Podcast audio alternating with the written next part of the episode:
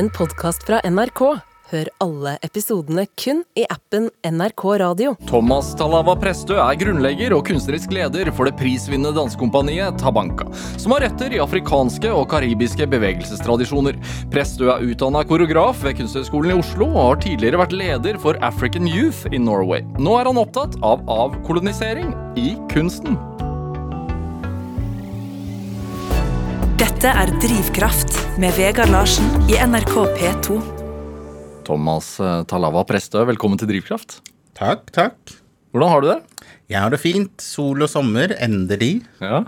Denne øh, avsluttet her med at du er opptatt av avkolonisering i kunsten.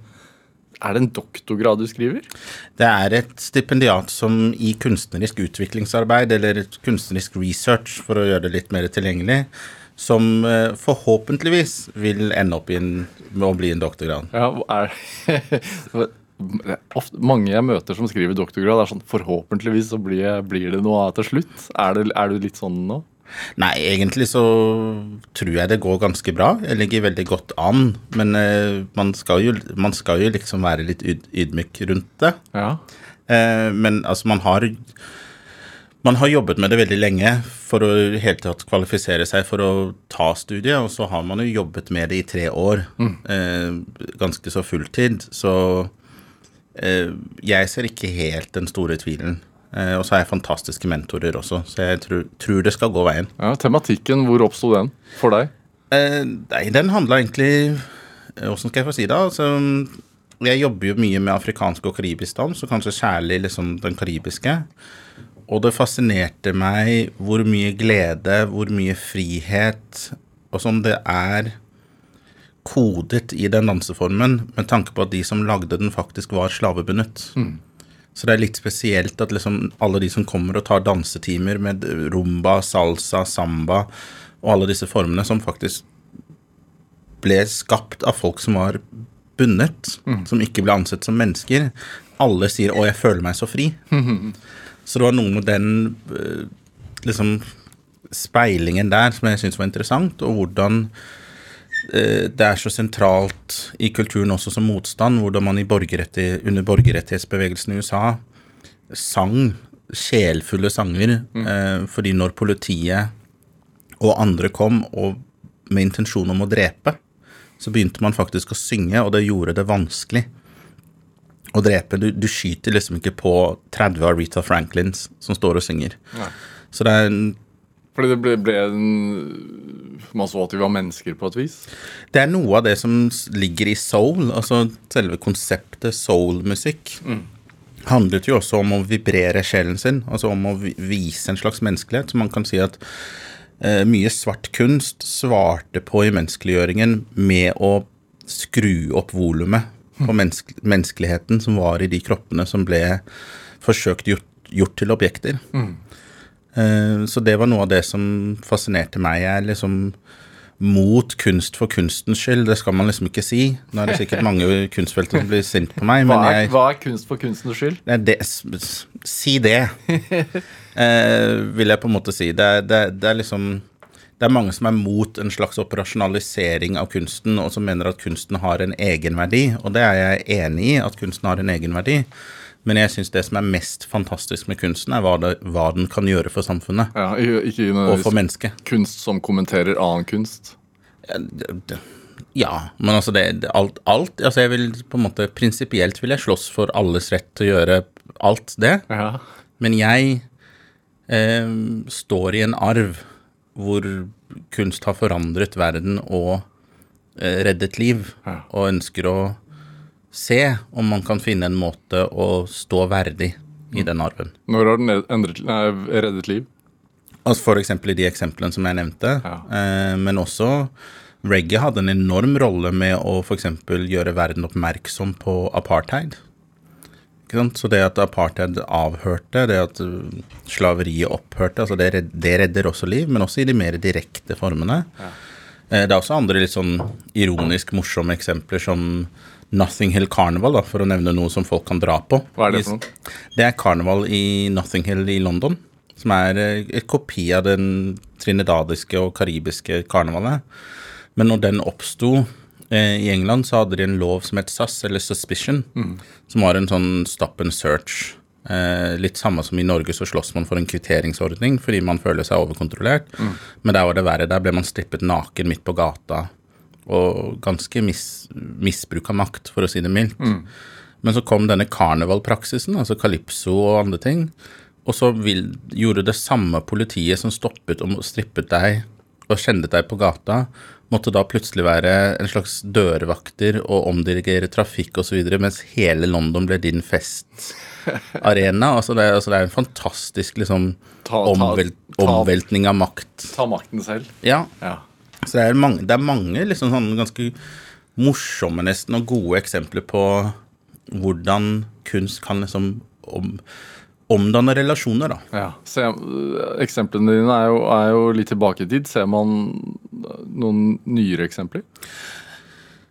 Ja, men jeg vil Jeg er litt bekymra. Jeg lurer på om ting har blitt litt, blitt platt og mindre makt Altså mindre kraftfullt enn det har vært. Hvorfor det, tror du? For vi, vi har blitt så kommersielle og så overfladiske.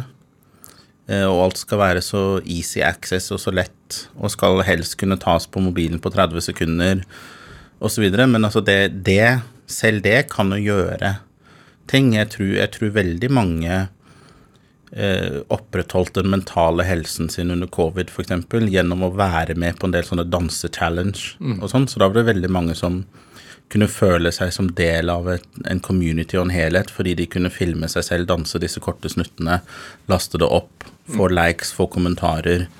Så jeg tror Man skal ikke skimse av noe av det, Ja, altså gleden ved TikTok i starten, som vel handlet om det, f.eks. i stor grad, og for, og for mange fremdeles. Ja. Men hva legger du i, i avkoloniserende kunstpraksiser, da? Oi, nå, nå, det var et doktorgradsspørsmål, eh, for å si det sånn. fordi det er, det er jo ikke full enighet om hva avkolonialisering er. Altså, Selv mange sånne akademikere i Norge hadde en lengre diskusjon på det. Den diskusjonen var ganske dårlig, sånn rent faglig. Eh, fordi avkolonialisering er ikke antirasisme, og avkolonialisering er ikke inkludering. Og det jeg mener med det, er at ofte så snakker man om å avkolonialisere pensum, og det man egentlig snakker om da som oftest, er at man legger til flere kvinner og legger til flere melaninrike og folk fra andre verdensdelers bidrag inn i et fagfelt, f.eks. Det er egentlig en slags faglig etterrettelighet, mener jeg, og også en slags eh, form for inkludering, eller også en, en måte å beholde akademias relevans, vil jeg egentlig si, i en såpass global verden, så bør man stusse litt om man har et pensum som er likt det det var for 20 år siden eller 30 år siden. Det må konstant oppdateres. Men avkolonialisering er litt mer radikalt enn det. Det handler om å eh, kritisk se på hierarkier, maktstrukturer og både skjulte og ikke skjulte fordommer som kan ligge i pensum. Altså måten man legger opp hele. Hvilke dokumenter har verdi, hva leser man, hvordan leser man det. Eh, Hva er eksamen, hvilket språk er det på? Altså alle, alle mulige sånne vurderinger går inn i det. Eh, Den egentlig mest Jeg tror den grunnleggende filosofiske spørsmålet som avkolonialisering må stille seg, er hvordan kan man eksistere uten å utslette andre? Eller å bli utslettet selv. Så idet nye identiteter kommer, f.eks., eh, så legger det også press på allerede eksisterende identiteter, f.eks. Så det er jo noen som blir føler seg kjempetrua fordi transbegrepet har kommet fram, f.eks. Og da kan man jo spørre seg hvor, hvorfor det at det fins trans, sletter det ut deg, osv. Og det er den derre dragkampen som hele tiden nå foregår, som liksom Jeg syns det er litt sånn rart noen ganger når man snakker om politisk korrekthet og sånn også, når, jeg liksom, når når negerdebatten sto på som, som hardest, og da var jeg, gans, var jeg ung, men jeg var jo midt i den, som leder av KNUF osv., så, videre, så jeg har vel Altså, nesten om, om, bru, om bruk av bruken, ordet. av, bruken av ordet. Det har vi jo alltid sagt, så hvorfor er det farlig, liksom? Ja, og det ble liksom en slags debatt om hva vi skulle kalles når vi ba om å ikke bli kalt det. Og da sier man det skal man ha debatt om. Da ble det sånn ok, én, hvorfor det? Ja. Og så begynte folk å snakke om politisk korrekthet. Så ble det sånn, kan vi bare kalle det mellommenneskelig respekt? Ja. Altså, jeg syns, jeg syns det, er, det blir vanskelig for meg når det plutselig blir en diskusjon om politisk korrekthet. Ja. Hvis noen sier neger, og jeg sier hei, du, jeg foretrekker å bli kalt melaninrik eller Thomas eller karibisk eller Ja. whatever. Og beklager, det, det, da skal jeg si det. Altså, det kan faktisk bli gjort omtrent så enkelt, og du trenger ikke å gå lenger enn til normal folkeskikk for at det er løsningen. Ja. Så det Hvorfor tror du at, uh, Altså, det er et ord som, som i mye mindre grad eh, eh, blir brukt i dag, men det brukes jo som skjellsord. Ja da, og det er pakistanere og asiatere og alt mulig blir kalt det, så det er derfor også det blir liksom litt for idiotisk når folk påstår at det er nøytralt. eh, og det blir brukt ganske upresist. Men eh, det er jo et ord som kommer eh, til Norge og alle steder egentlig nesten via eh, en ganske ekstremt brutal historikk.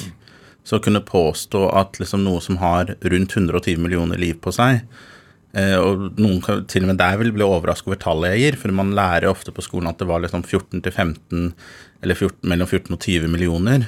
Eh, men da snakker man om de mengden som ble tatt fra Afrika og tatt til Amerikas.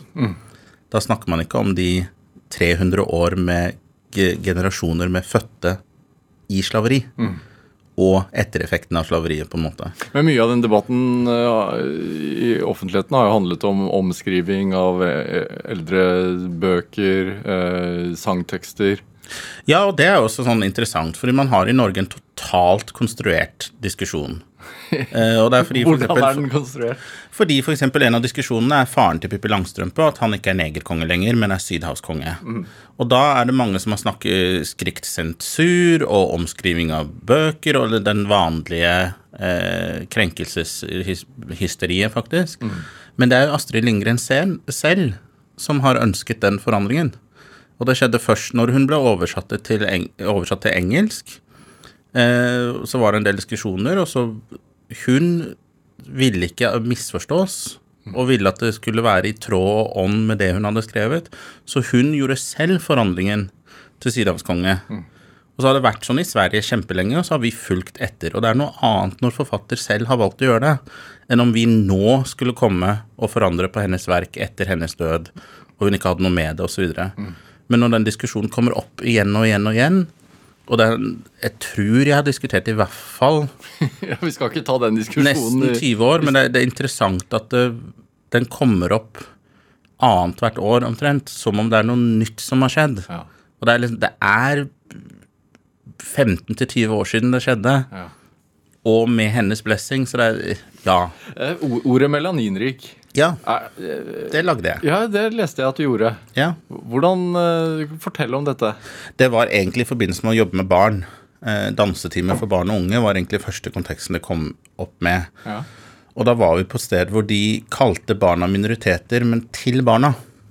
Så man ville liksom at åtte-niåringer og sånt skulle liksom ha minoritet som en personlig identitet. Og minoritet er liksom en statistisk valør, men man sier veldig ofte minoritet i Norge som om det betyr noe. Mm, Hvilken tyngde har det ordet hvis du hører det som barn? Det tror jeg kan ha ganske mye. Altså det betyr jo, det har jo to betydninger. Enten er det betyr å være i mindretall, men så politisk noen så betyr det også å ha mindre makt. Så en minoritet kan også være en stor gruppe med lite makt. Så skulle liksom internalisere og enten være i mindretall eller å ha lite makt allerede som barn, det er Altså det tror de aller fleste foreldre vil kunne kjenne på at hvis fire-femåringen din kommer hjem og sier jeg er en minoritet, så klinger det ikke helt greit. Så da lagde vi dette melaninrik-ordet, egentlig for å ha noe annet å, å si, for det der eh, som ikke var liksom ge- geografisk bundet eller knyttet, som ikke hadde noen ballast, Hvordan kom du på det? og som er rotet i Nei, altså man sier På engelsk så sier man ofte 'melanated', eh, og liksom Og så snakker vi liksom det om å være rik på kultur, være li, rik på erfaring. Så da, det var liksom en, ja, et eh, forsøk på å lage et ord som de kunne på en måte være stolt av, og alle hadde retten til et positivt eh, identitetsfortegn. Så det var aldri foreslått en motsatt som melaninfattig, f.eks. Eh, bare sånn det er på en måte sagt, at den, den kom ikke i et- tospann. Mm. Eh, og vi har eh, prinsipielt alltid stilt oss imot melaninfattig. Mm. Bør alle bruke det? Melaninrik? Ja. Eh, det skal jeg ikke diktere til noen. De som syns det er, uh, har en funksjon for dem, kan bruke det. Det jeg syns er fint med ordet, eh, og som jeg er overrasket og glad over at samfunnet har tatt det til seg, er jo at det kommuniserer et ønske om å ikke støte. Det får diskusjonen videre. Så istedenfor at man henger seg opp i en sånn kleinhet som man sto i hele tiden, og som en som er melaninrik selv, så måtte jeg liksom nesten hele tiden hver dag ta ansvaret for sosiale møter som ble kleine fordi den andre part ikke visste hva de skulle si, osv. Og det, det blir en slags slitsomt for alle parter når vi egentlig skal diskutere hvordan skal lyset stilles ut, hvor mange teknikere, teknikere trenger vi Altså noe helt annet. Så det er liksom Det jeg liker med mel- melanirik, er liksom si det and move on. Dette er Drivkraft med Vegard Larsen i NRK P2. Og i dag er eh, koreograf eh, Thomas Talava Prestø her hos meg i Drivkraft på NRK P2. Det er jo, eh, du er jo egentlig koreograf, eh, selv om du nå I tillegg, da. I tillegg eh, ja, ja, jeg, har ikke satt, jeg har ikke tatt av meg noen hatt underveis. Burde sikkert gjort det, men ja. Ja, Tabanka, hva, hva er det? Eh, ordet eller kompaniet? Det er begge deler. Eh, ordet er eh, et karibisk ord, eller det er også et afrikansk ord, men i Karibia så betyr tabanka den følelsen av lengsel som du får når en du elsker, forlater deg. Så det er en, en spe, veldig spesifikk lengselsfølelse. Ja. Eh, og det var også del av den karibiske kvinnebevegelsen, hvor de sa 'behave yourself og tabanka for you'. Basically. Eh, så det, så den, det var liksom fordi vi ville Og det kan også bety å fortrylle. Altså Den positive aspektet av tabanka så er liksom at du blir helt sånn fascinert av noe. Ja. Så vi ønsker på en måte å fascinere publikum når vi er på scenen, og at de skulle lengte etter oss når vi gikk av scenen. Og så representerte Tabanka mye av det vi lengtet etter, eller manglet eller savnet selv. Eh, og i Kapp Verde, på Kapp Verdeøyene så er tabanka også både en musikkform, altså det er i Afrika, eh, og betyr eh, et tett samfunn, eller et, sammenvevd samfunn. Så vi ønsket å være en community, og skape både denne fascinasjonen, og både skape lengsel og tilfredsstille den lengselen vi selv hadde. Og så er det gøy å si. altså altså Dansekompaniet Tabanka eh, oppsto i Eh, slags 2006-2007, men det kom, sprang litt ut av en dansegruppe som var under African Youth, som het Dancers with Attitude. Vi var mye yngre når vi lagde dette navnet, så ingen får lov til å dømme. Eh, og når man bestemte seg for på en måte at dette skulle profesjonaliseres fordi man trengte eh, profesjonelle uttrykk på scenen som tok utgangspunkt i andre ytringer og andre estetikker, Var det det som var målet det var målet. ditt da, Ja. du, da du startet opp det? Ja. Ja, Så Tabanka har hatt en heidundrende reise som også har vært litt, litt røff. For det gikk jo ganske kort tid fra det var et slags ungdomsdansekompani til at det var et ganske halsbrekkende profesjonaliseringsløp. Ja. Og med forestillinger på operaen og, og land og strand rundt og, og vunnet flere priser og, og høstet eh, masse, masse respekt og anerkjennelse. Ja, og internasjonale turneer og sånn, så det har jo egentlig gått kjempebra som, som prosjekt, Ja. på en måte. Men som sagt, i et tempo som ka kanskje har gått utover eh, mennesker, holdt jeg på å si. Hvor, på hvilken måte? Nei, altså det er jo fordi det var, det var jo en oppoverbakke. Det har aldri vært gjort før. Det var ingen mal. Eh, det, er ganske, det er forskjell på ganske stort press å være den første melaninrike grupp, gruppa på ulike scener på ulike steder for å representere, for å gjøre det bra. Var det det? Ja. Ja. Eh, fordi det er veldig fort når noe har et eller annet form for mangfoldspreg, så liker kommer mange også for å dømme det. Noen kommer for å støtte det, og noen kommer for å dømme det. Og fort så kan det få litt den derre Ja, dette er bare på scenen fordi det er en eller annen sånn mangfoldssatsing. En slags sånn spydighet. Så det var veldig viktig at det var av en kvalitet hvor ingen kunne fornekte at det var teknisk. Hvor ingen kunne fornekte at det var et håndverk Hvordan gjør man det? øver, øver, øver, jobber. Ja. Eh, Jeg er del av mange ganske store internasjonale nettverk, så det er mentorer av, i verdensklasse i kompaniet, og eksempel eh, en, en av hoveddanserne som heter Luciano, som er i kompaniet, eksempel. Eh, Det er noe som heter The International Association of Blacks in Dance, som er en større organisasjon. Den har en årlig konferanse hvor det er rundt 2500 svarte dansere på ett sted. Da ble f.eks. flere, Luciano og Pearl og Joel og sånn, ble eh, plukket opp og tatt opp på scenen i klasser som eksempler på eksepsjonell teknikk.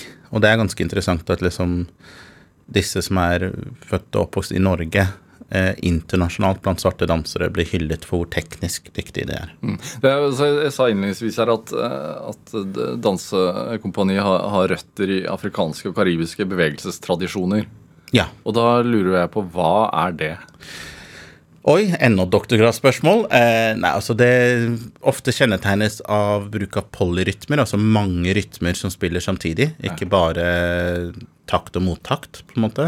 Hva, og hva er det på nå må, Går det an å forklare det med ord uten å danse det?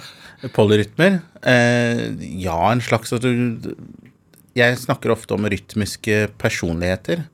At hvis det ofte så legges en slags grunnrytme, eller tenk en rumbarytme f.eks., mm. Og så er det trommer som følger danseren, som rett og slett danser eller oversetter danserens bevegelser til lyd. Som da blir synkoperinger og mottakter og sånn. Og hvis du da går inn og danser, så vil du høres annerledes ut enn jeg gjør, selv om vi forholder oss til samme grunnrytme. Og det er jo da fordi du har en annen personlighet og tar andre valg enn meg. Så derfor kaller jeg ofte det rytmisk personlighet, og polyrytme kan forstås som mange rytmiske personligheter som spiller samtidig. Eh, og som egentlig gjør at mye av grunnestetikken handler om valg. Det er en slags multiplisering av valgmuligheter. Og det som du egentlig blir dømt på, det som fenger publikum som er aktive, som klapper og hoier og har call and response, er hvor god du er til å ta gode valg raskt. Ja. Rett og slett, for det er ofte et halsbrekkende tempo. Eh, så du rekker på en måte ikke å tenke, du må analysere med hele kroppen Ja. og agere og være veldig i øyeblikket. Eh, så det er en fantastisk trening i det mange kaller flyt. Eh, andre ting som kjennetegner, er en slags demokratisk forhold til kroppen. Altså at du bruker hele kroppen. Nå har jeg fletter, så hvis jeg fletter, så forventes det at jeg skal danse med flettene også. Jeg har litt mage, så da finner jeg måter å rulle på fettet. For er, det der, så skal det brukes, er på en måte holdningen. Så hofter beveger seg, bryst beveger seg, skuldre, håndledd, knær, ankler. Alt er på en måte med på dansen. Alt er levende. På, på hvilken måte er en av dine koreografier ikke kunst for kunstens skyld, da? Det er flere måter. Altså Ofte så er det allerede det elementet at vi er eh, ofte blant de første kompaniene av vår sort som står på den scenen. Det er jo med på å bryte glasstak og øke mulighetene. For så fort det har blitt gjort én gang, så er det lettere å gjøre det neste gang. Så det åpner døra for andre. Eh, det er noe av måten. Har du merket det? At dører har blitt åpne? Ja. På hvilken måte? Mange forskjellige. altså Det er tidligere Tabanka-medlem som jobber i radioen her, f.eks. Eh, har vært programleder og har til og med nå ansvaret for en del ting, på P3 osv. Andre har gått inn og blitt kunstkritikere. En del av de står på store scener som dansere. Noen har blitt koreografer. Eh, noen jobber med, med andre ting. Men det har ført til en enorm sosial mobilitet også, fordi det må innrømmes at kunsten eh, okkuperes, har jeg litt lyst til å bruke. Jeg har, litt, jeg har lyst til å være litt sånn cheeky. Okkuperes litt av middelklasse og øvre middelklasse. På hvilken måte?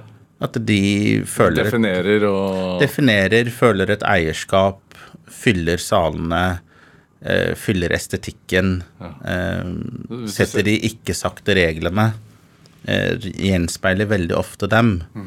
Eh, og selv der hvor det på en måte kommer inn elementer som ikke kommer derfra, så er, det en slags invitert inn dit, og helst for å gi dem et nytt utgangspunkt eller blikk, og være litt spennende. Eh, nå setter jeg det på spissen, men, vil, men vi må innrømme at det er et element. Ja, hvis man tar et snitt av eh, publikummet i operaen, så har du antageligvis rett.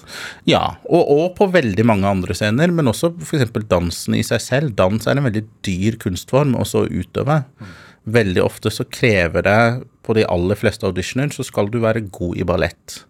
Som som oftest betyr at du skal komme fra en familie som har hatt ressurser nok til å sette deg i ballettimer fra du er fire-fem, helst. Og de som holder på med ballett, vet hvor dyrt det kan være, både i kostymer, sko, altså alt mulig sånt. Eh, og så går man liksom videre inn i eh, et ganske kostbart løp. Eh, så det er jo også veldig mange, og jeg sier ikke alle, for det fins unntak til alt, men mange av de som har muligheten til å bli dansere, kommer fra eh, mer eller mindre privilegerte kår. Er det, hvis man ser på eh, din bakgrunn, da, var det, lå det muligheter for å bli danser der? en slags altså Jeg kommer jo fra en litt form for kulturelite. Eh, jeg liker ikke ordet, men jeg, jeg innrømmer en slags, for min, min oldemor er Borghild Ruud, som tegna Teskjekjerringa. Ja, Alf Prøysen var en del av eh, Ja. familievennene. Yes, ja, mer enn familievenn. Han leide hos henne i underetasjen veldig, veldig lenge, og de jobbet mye sammen. Ja. Eh, og det gjorde jo noe med eh, Altså, jeg vokste opp i kunsten, jeg vok men jeg vokste opp i, på folkelige gallerier. Altså eh, Mjøs Mjøsebygdene, Toten, Ordalen osv. Så, videre. så det, vil ikke si at det er liksom sånn det er ikke, er ikke borgerlig og fint nødven, nødvendigvis, men det er eh, vokst opp rundt kunst og en veldig kulturell ballast, vil jeg på en måte si, også på den norske siden. Eh, og det gjør noe med eh, å gå på Kunsthøgskolen for meg føltes ganske naturlig når jeg vokste opp med historien om hvordan oldemor og hennes mann begge hadde gått på Kunsthøgskolen, og hun er en av de yngste som har gått ut derfra, Ja. Med honnør, på en måte. Så det, det var liksom Det lå allerede i familiehistorikken at Kunsthøgskolen er noe som, som er naturlig, på en måte. Og jeg tror hvis jeg var eh, en karibisk norsk, miks som vokste opp i Groruddalen, og ikke hadde det i familiehistorikken, så hadde jeg nok følt en mye lengre vei. Ønsker du at den veien skal bli kortere? Ja.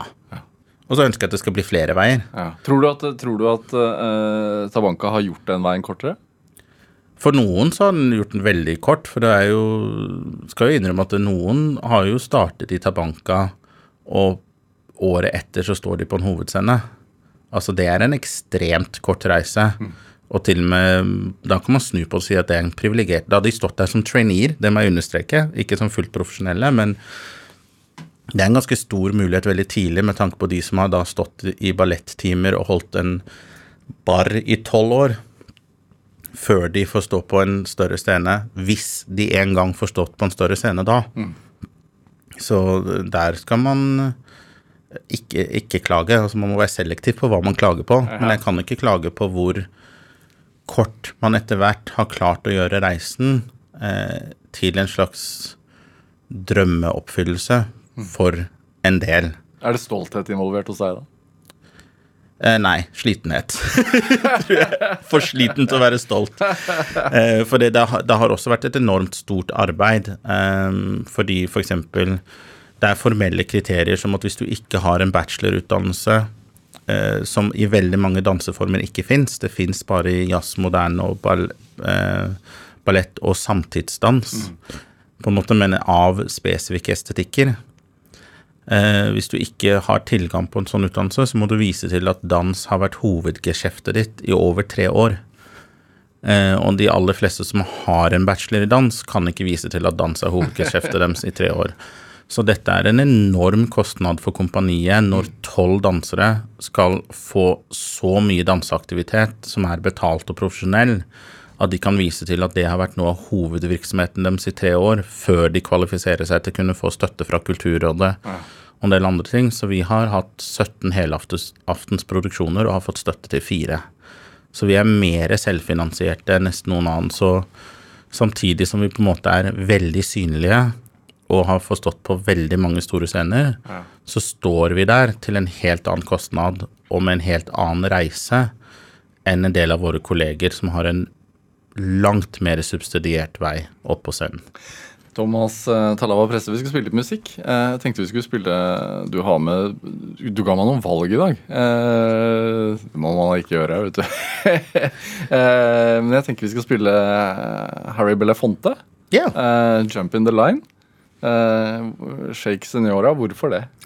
Det er flere grunner. En er fordi han som skrev sangen, er faren til Akhenaton de Leon, eller eh, som mange kjenner som Akki, som er leder for OMOD, Organisasjonen mot offentlig diskriminering. Hvor du også har vært talsperson?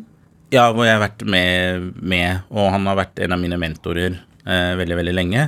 Men det er veldig gøy at liksom eh, det er en nordmann som på en måte har en del av rettighetene til den sangen, og at det er en ganske norsk connection til den også. Så derfor den, og også fordi Harald Elefante døde i år. Og han har vært eh, veldig stor både for karibisk musikk, men også for menneskerettigheter generelt. Han er en av de som har gjort mest for menneskerettigheter.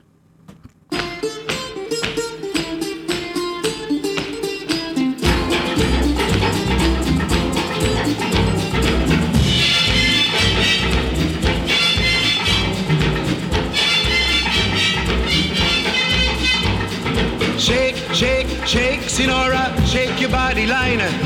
Shake, shake, shake, Sinora, shake it all the time. Work, work, work, Sinora, work your body line. Work, work, work, Sinora, work it all the time. My girl's name is Sonora. I tell you, friends, I adore her. And when she dances, oh brother, she's a hurricane in all kinds of weather. Jump in the line, rock your body on time. Okay, I believe you. Jump in the line, rock your body on time. Okay, I believe you. Jump in the line, rock your body on time. Okay, I believe you. Jump in the line, rock your body on time. Whoop. Shake, shake, shake, Sinora, shake your body line. Whoop. Shake, shake, shake, Sinora, shake it all the time. Work, work, work, Sinora, work your body line. Work, work, work, Sinora, work it all the time. You can talk about cha-cha, tango waltz or the rumba. Sinora's dance has no title. You jump in the saddle, hold on to the bridle, jump in the line, rock your body on time. Okay, I believe you. Jump in the line, rock your body, rock your body, child. Jump in the line, rock your body in time. Somebody. Jump in the line, rock your body in time. Whoop.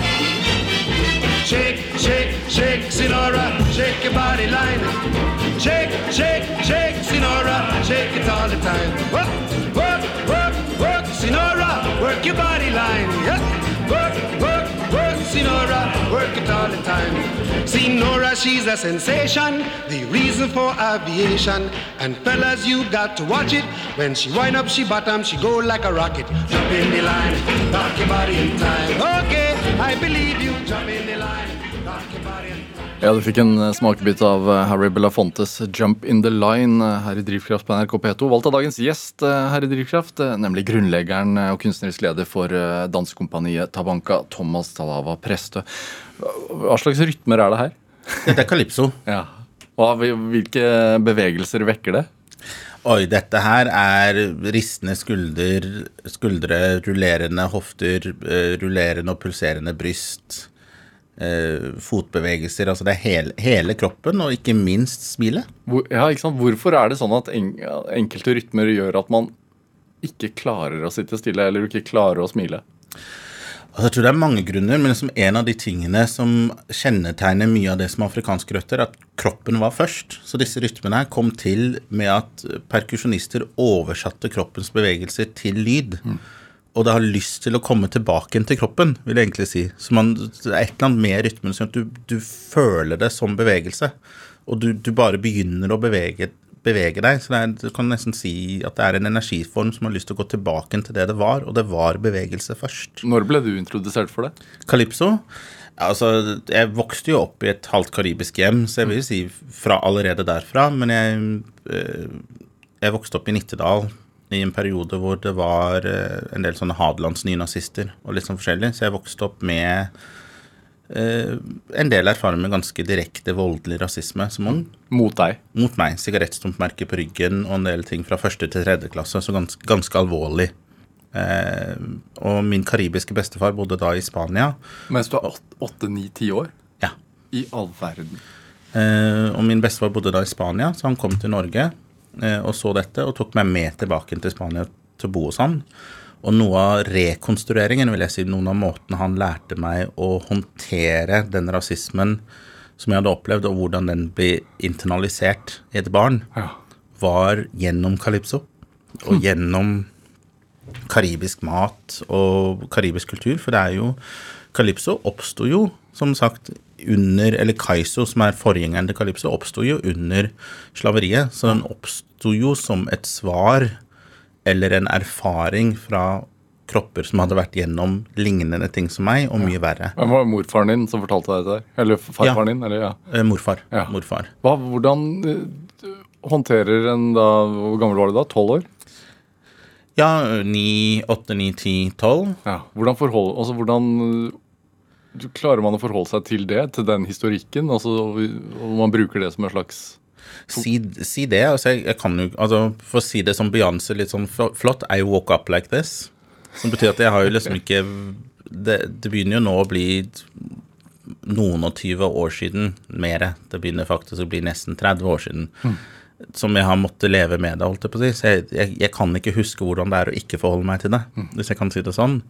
Men det er jo selvfølgelig vanskelig, og det er jo traumatisk. Og man, når man blir voksen, så skjønner man også flere måter det har påvirket deg på som man ikke har forstått eller visst eller anerkjent. Så man, det er et konstant arbeid eh, som må til for å ta et oppgjør med det, og jeg tror ikke man Kanskje man aldri kommer i mål. Som en drivkraft også? Også som en drivkraft. Eh, når, jeg Jeg husker et litt sånn pivotal moment, som man sier på engelsk. Da var jeg tilbake til Norge etter å ha blitt bygd opp gjennom karibisk kultur av min bestefar. Og så hadde jeg Da tror jeg jeg gikk på St. Sunniva. Eh, for jeg ville ikke gå på skole i Nittedal. Ungdomsskole, altså. Og hadde tatt toget hjem. Og hadde da hatt en sånn mann som hadde sittet overfor meg, og jeg flytta meg tre ganger, og han fulgte etter i vognene. Og så gikk han av på Nittedal, eh, og til slutt så ble jeg liksom irritert nok til at jeg snudde meg, og da sa han 'din jævla neger, dra tilbake dit du kommer fra', og så videre. Og så husker jeg at jeg sa takk, og gikk hjem. Og det var sånn vendepunkt for meg, for det var første gangen jeg hadde opplevd noe sånn hvor hele reaksjonen min var 'din idiot', og så ble han irrelevant. Hva hadde det vært før? Før så lurte jeg på hva jeg hadde gjort. Hva gjorde jeg for å provosere denne oppførselen? Hvordan kunne jeg oppleve noe annet, noe var galt med meg? Så som barn så internaliserte jeg det som om det var meg det var noe galt med. Ja. Så jeg husker at dette var veldig sånn et deilig øyeblikk. Og jeg ble sånn Ja, men det er deg. Du er en kødd, liksom. Og da ble han også så totalt irrelevant. Og, så, og da var jeg liksom ferdig med han. Og så Idet jeg sa takk og snudde meg, så var jeg liksom totalt ferdig med han og glemte han, liksom. Ja. Eh, og det var liksom deilig. Jeg har sånn trepunktsregel. Altså er de familie eller venner, har de noe med hvordan de betaler regning regningene dine, på en måte, og må du møte dem ofte. Og hvis svaret er nei, nei og nei, ignore. Ja. Da, da er det ikke verdt det, rett og slett. Det er ikke så lett, da. Nei, men med litt øving så er det overraskende enkelt. Hvis man har kommet på det nivået hvor du er privilegert nok til det. Og som sagt, og den trepunktsregelen er jo en slags analyse av det også. Eh, Så jeg er forbi der hvor jeg blir personlig støtt over at folk sliter fordi jeg er brunere i huden enn dem. Altså, man sier at man ikke skal sykeliggjøre rasisme, men altså Jeg forstår ikke hvordan det ikke er en nevrose. Eh, Jeg opplevde den gangen jeg også forsto at jeg ikke forsto rasisten. Altså, jeg har jo jobbet i veldig, veldig mange år med å forelese og holde foredrag om rasisme. Men det var en episode på Grønland hvor jeg gikk på gata og hørte på musikk, og så var det en mann på motsatt side av gata som stirra på meg. Og jeg, arrogant som jeg er som kunstner, tenker å, det er sikkert en fan som har sett en forestilling. Så stirrer han veldig sånn, ok, jeg får vel sakke ned litt, da. Og så begynner han å krysse gata og blir nesten påkjørt i den ene kjø- kjøreretningen, og så blir han nesten påkjørt i neste kjøreretning også. Og da tenker jeg søren, nå har han risikert livet to ganger. Nå må jeg stoppe. Så da stopper jeg, og så danderer jeg sånn der, sånn flott smil som man danderer når man skal møte publikum og sånn, og forbereder meg på en eller annen samtale om en eller annen forestilling som man har sett. Og da får jeg også litt den samme dra dit du kommer fra, og, og en og det andre. Og det er da jeg liksom kjente på den totale forvirringen og fascinasjonen i hva ville denne tynne, spinkle mannen som risikerer livet to ganger for å krysse gata, og kanskje en tredje gang for å si til en 100 kilo svart mann at han skal pelle seg et annet sted På Grønland. på, Grø på Grønland, for så vidt. Og så husker jeg at jeg liksom tenkte Hva vil han få ut av det? Og så tenker han at jeg skal si Oi, er jeg på feil hylle? Skal jeg, skal jeg flytte på meg? Og så det er da jeg skjønte sånn Ja, her holder jeg foredrag om rasisme, men jeg forstår faktisk ikke rasisten. Jeg har ikke sjans til å sette meg inn i hvorfor det var så forstyrrende for han at noen som var melaninrik, gikk på motsatt side av gate som han, hvis du, hvis du forstår hva jeg mener. Og, det, og jeg kan fremdeles ikke sette meg inn i det, men jeg tenker at det må defineres som en form for nevrose. Den, den uh, uh, ilden i deg som gjør at du har uh, gjort alle disse forelesningene, studert historikken så mye som du har gjort, gått inn i, i materien, er i gang med altså stipendiat nå. Er, er den en prod, altså et produkt av noe som ble tent i ungdomsårene? Altså, Deler av svaret litt jeg vet ikke, fordi som sagt, jeg hadde jo de erfaringene som jeg hadde som ganske ung. Ja. Så i hvilken grad det har preget, ikke preget og sånn. Men altså, min afroamerikanske bestefar, altså begge foreldrene mine er halvt melaninrike, halvt norske. Så jeg regnes som en av de eldre dobbeltblandingene, som noen, noen har kalt sakte til meg. Eh, fordi det er, det er ikke så mange Man har voldsomt behov for å ka- kategorisere. Vet du. Veldig. Det er derfor jeg sier som noen har sagt til meg. Jeg var ikke så opptatt av det selv, men jeg har jo jobbet i African Youth og andre steder og- vet at det, på min alder så er det få som har to foreldre som også er halvt Ja. afrikanere og halvt norske. Nå begynner det å bli ganske mange, så det er ikke noe, er ikke noe Jeg er ikke så spesiell lenger. Uh, men han, altså min farfar, var jo jobbet med mm, en av de første svarte Eller er den første svarte City Council member, by, bystyremedlem, Styrerepresentant, ja. I. Missouri, Texas, Ja. under et segregert Amerika. Så jeg vil si at det, det var en ganske utsatt posisjon.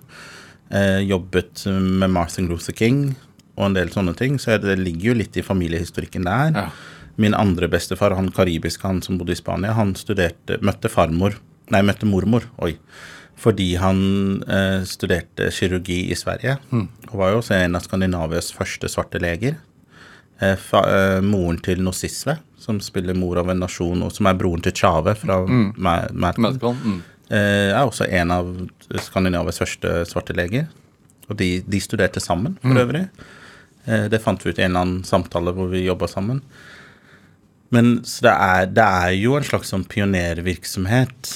Oldemor også, Borglerud, eh, var jo en stor del av arbeiderbevegelsen, som også var et, en menneskerettighetsbevegelse. Så jeg vil jo på en måte si at det ligger i familiehistorikken. Ble det pratet om? altså Hvordan var en, en, en prat rundt eh, middagsbordet hjemme hos dere? Hva, handlet det om politikk, eller handlet det om kunst? Eller begge deler, kanskje? Begge deler, men ofte blanda. Ja. Jeg vil jo si at Prøysen sin, Prøysen sin kunst var jo så ekstremt politisk. Og det var jo med på å gjøre det folkelige legitimt. Ja. Ikke sant? Teskjekjerringa også var også del av det. Så det vil jeg også si er heller ikke kunst for kunstens skyld. Det var kunst som hadde en slagkraft og en virkning. Uansett hvor jovialt man tenker at det er pga. dialekten og sånn. Eh, og oldemor også forsørget jo en hel familie eh, etter, andre, nei, etter første verdenskrig og gjennom andre verdenskrig. Så å forsørge en familie og klare å kjøpe hus basert på kunst Ja. eh, i- den situasjonen Hun var ekstremt arbeidsom. Sånn, det, er, det er kasser på kasser på kasser med hennes illustrasjoner. Ja, altså Vi forbinder henne jo med, med, med altså i illustrasjonene, men hun har jo en voldsom eh, katalog. Helt, helt enorm. Eh, og jeg heter jo også Isak. Jeg heter Isak Sellanderå i Markens Grøde. Så jeg heter Thomas Isak for øvrig. Ja. Så det er liksom sånn uh, Ja, så man har liksom den. Så er, og det poenget mitt er egentlig at jeg tror jeg ikke hadde kunnet unngå en eller annen form for engasjement i menneskerettigheter og rettferd. For det ligger så på alle familiesidene, eh, vil jeg på en måte si. Men de, e- mine egne erfaringer og sånn, spisset det nok litt mot rasisme Mm. osv. Jeg tenker Når, når man uh, opplever uh, såpass grusomme hendelser som et barn uh, i et samfunn og, som antageligvis skaper en følelse av ensomhet og at man er aleine og frykt, da, så, så kan jo det ofte generere sinne. Jeg er ikke så flink på sinne, men jeg er veldig flink på frustrasjon. Jeg vet ikke helt om hvordan jeg kunne stått opp om morgenen uten å være frustrert. Da tror jeg bare hadde fortsatt å ligge i senga, for det er veldig behagelig. Hva er du frustrert over nå, da? Eh, Verden. Altså, det skal ikke mye til. Det er bare å åpne Facebook eller Instagram eller Aftenposten eller Nyhetene eller Subjekt eller whatever, så skal man skal alltids finne noe å være frustrert over. Ja, hvordan, genererer man, eller hvordan omgjør man frustrasjon til eh, noe konstruktivt? Det skaper, For meg i hvert fall så skaper frustrasjon en form for uro, urolighet i kroppen. Så da, da må jeg gjøre noe. Ja. Og så må jeg gjøre noe som jeg føler gjør noe, på en måte. Føler har en eller annen form for effekt. Har det en pris? Ja, det går nok sikkert utover. Det går utover mental helse og alt mulig, det er sikkert. Men for meg så går det like mye utover alt å ikke gjøre noe, å være passiv. Eh, så Hvor farlig er passivitet? eh, når vi er passive, så dør folk. Eh, og det er noe som i Det er også noe med det som er veldig vanskelig med å bo i Vesten, egentlig, og veldig vanskelig med å f.eks. også bo i Norge, hvis man prøver å skulle være engasjert. For det er liksom Det er mest sannsynlig menneskeliv på mobiltelefonen vår, på laptopen vår, på gifteringene våre, altså sjokoladen over 70% av sjokoladen vi spiser, er, er produsert av ikke-betalte barneslaver. Ikke? Så er, du skal ikke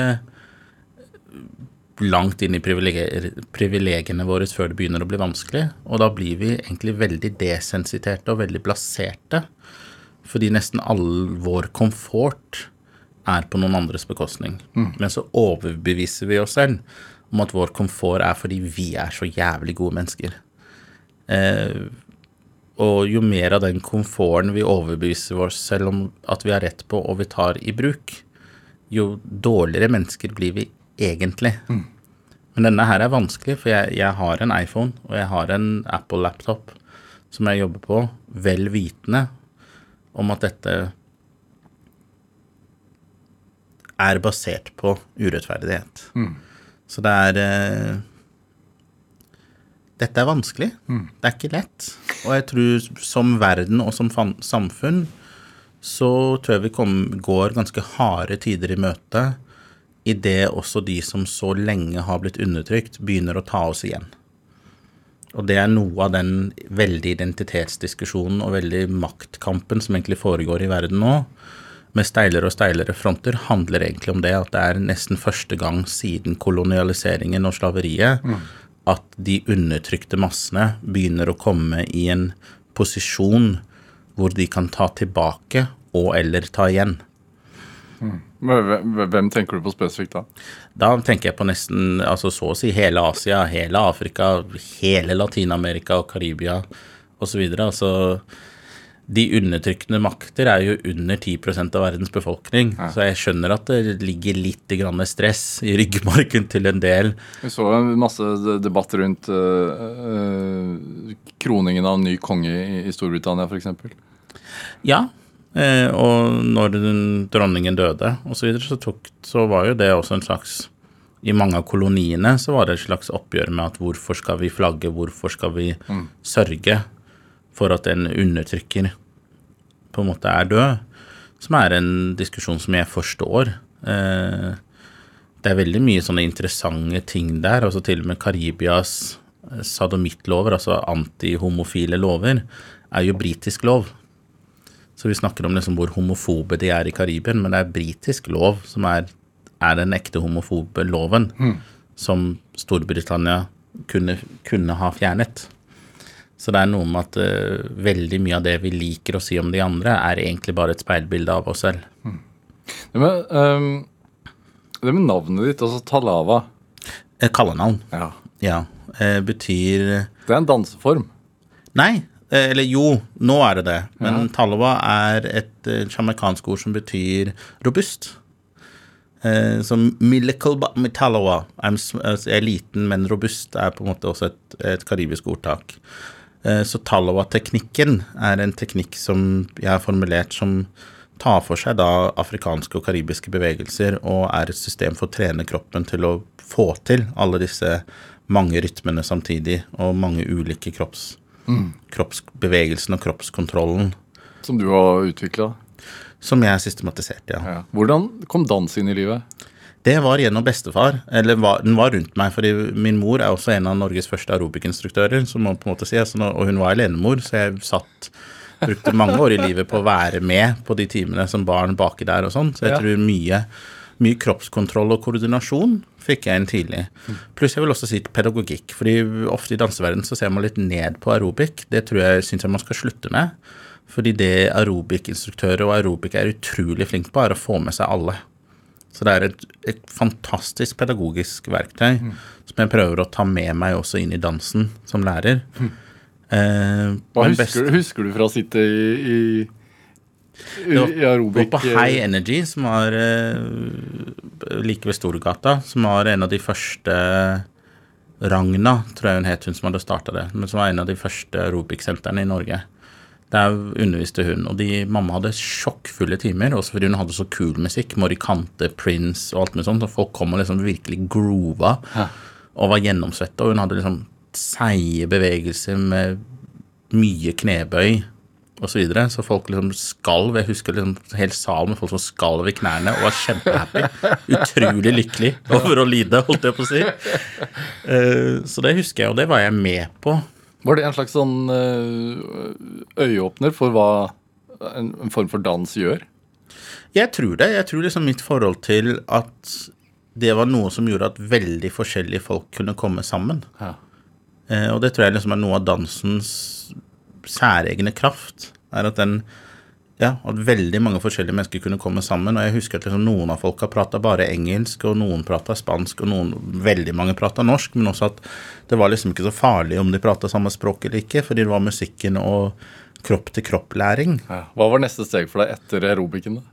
Nei, det, altså det var jo bestefar i, i Spania som eh, da lærte meg karibisk kultur som et svar, og noe av det var at han mente at jeg måtte få tilbake kroppskontroll, eller kontroll over egen kropp, fordi å oppleve vold osv. gjør jo ofte at man blir deassosiert fra egen kropp, at man får et avstandsforhold. Så da lærte han meg eh, calypso og bongo og en del karibiske danseformer. Og han er jo lege og kirurg, så han var ekstremt anatomisk spesifikk. Så jeg vil jo på en måte kreditere han litt med starten for teknikken.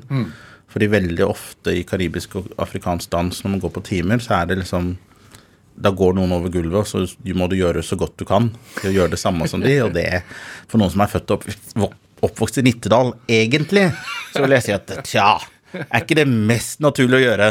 Så jeg var veldig sånn analytisk, men han var til og med så presis at han tok med sånne elektroder, eller jeg vet ikke helt hva det heter, men sånn muskelstimulatorer. Så han stimulerte gjennom strøm de musklene han ville at jeg spesifikt skulle bruke. Så for eksempel hvis jeg nå, Dere kan høre det på stemmen min, men nå rister jeg skuldrene. Ja. Og hvis jeg rullerer de, så må jeg bytte hvilke muskler som vibrerer fem ganger for å kunne ta en hel runde med skuldrene. Det vet jeg fordi han da byttet på hvor han markerte med disse elektro... elektro Ja, Så må kjenne hver minste muskel. ja. Ja. Og det er nok noe av grunnen til Og noe av grunnen til at den Talawa-teknikken har er nå internasjonal. Den undervises i over 20 land.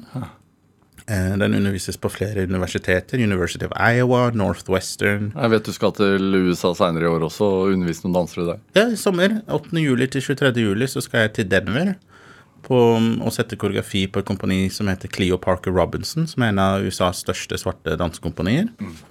Eh, helt fantastisk kompani, og hun dama er Det er kult at en fyr fra Nittedal skal det, tenker jeg. Ja, Er det det med dans Husker du første gang du danset selv og, og, og følte at eh, og, og følte noe annet? Altså følte at dette her, det er det jeg skal drive med? Oi. Det var et godt spørsmål. Jeg vet ikke, men jeg husker at bestefaren min tok meg med til en konsert av Mighty Sparrow, som er en av verdens mest kjente calypso-sangere. Dette var i Barcelona, og da var jeg med to tanter og han, og dansa. Og jeg husker at Og da danset Da da var jeg godt trent av han allerede, faktisk, men da danset jeg likt som de andre, på en måte. Og da første gang jeg fikk føle det sånn veldig samholdet som kom av å kunne en danseform og en kulturell kode og bli del av et fellesskap som har møtt opp med en slags felles enighet om at vi skal oppleve glede.